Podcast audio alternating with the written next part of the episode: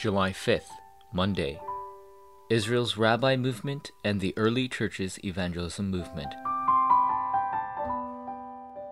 Acts chapter 17, verses 2 through 4. As his custom was, Paul went into the synagogue, and on three Sabbath days he reasoned with them from the Scriptures, explaining and proving that the Christ had to suffer and rise from the dead. This Jesus I am proclaiming to you is the Christ, he said. Generally, parents do not allow their children to act any way they want, and they worry about raising their children. Even if the children succeed, they just as suddenly can fail. You must look carefully at children from when they are young to see what they are imprinted with.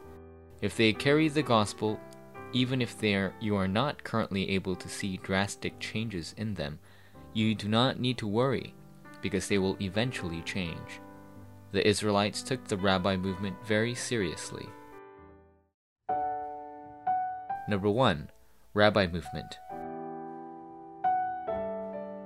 Through the Shema, Talmud, Torah, the Jewish people teach their children how to succeed in life.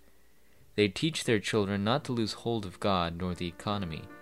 This is how the Jewish people have become influential in the world, such that a third of all Nobel Prize winners are Jewish. Despite only comprising 3% of the world's population, the Jewish people own 30% of the world's wealth. Albert Einstein and Edison are well known Jewish people. Number 2. Failure. Despite having influence throughout the world, why does Israel face hardship and failure today? The reason is that they have lost hold of the gospel.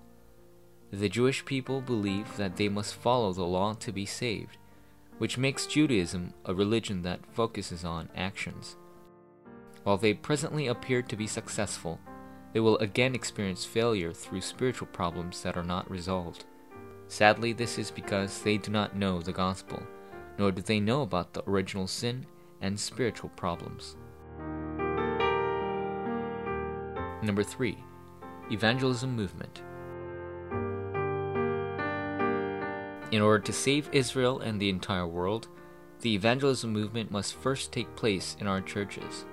If we begin the evangelism movement in our churches and raise 3,000 workers, God will work and open doors in much the same way that the evangelism movement arose in Jerusalem. This is the reason for establishing lay people. Lay people must go into the fields and shine the light to the unbelievers. This light of Christ will shine upon the darkness formlessness, and emptiness. Forum topic What is imprinted on my heart? If the gospel is truly imprinted on my heart, then the evangelism movement will take place in me, around me, and in my future. Carry the gospel in your heart, your thoughts, and your soul today.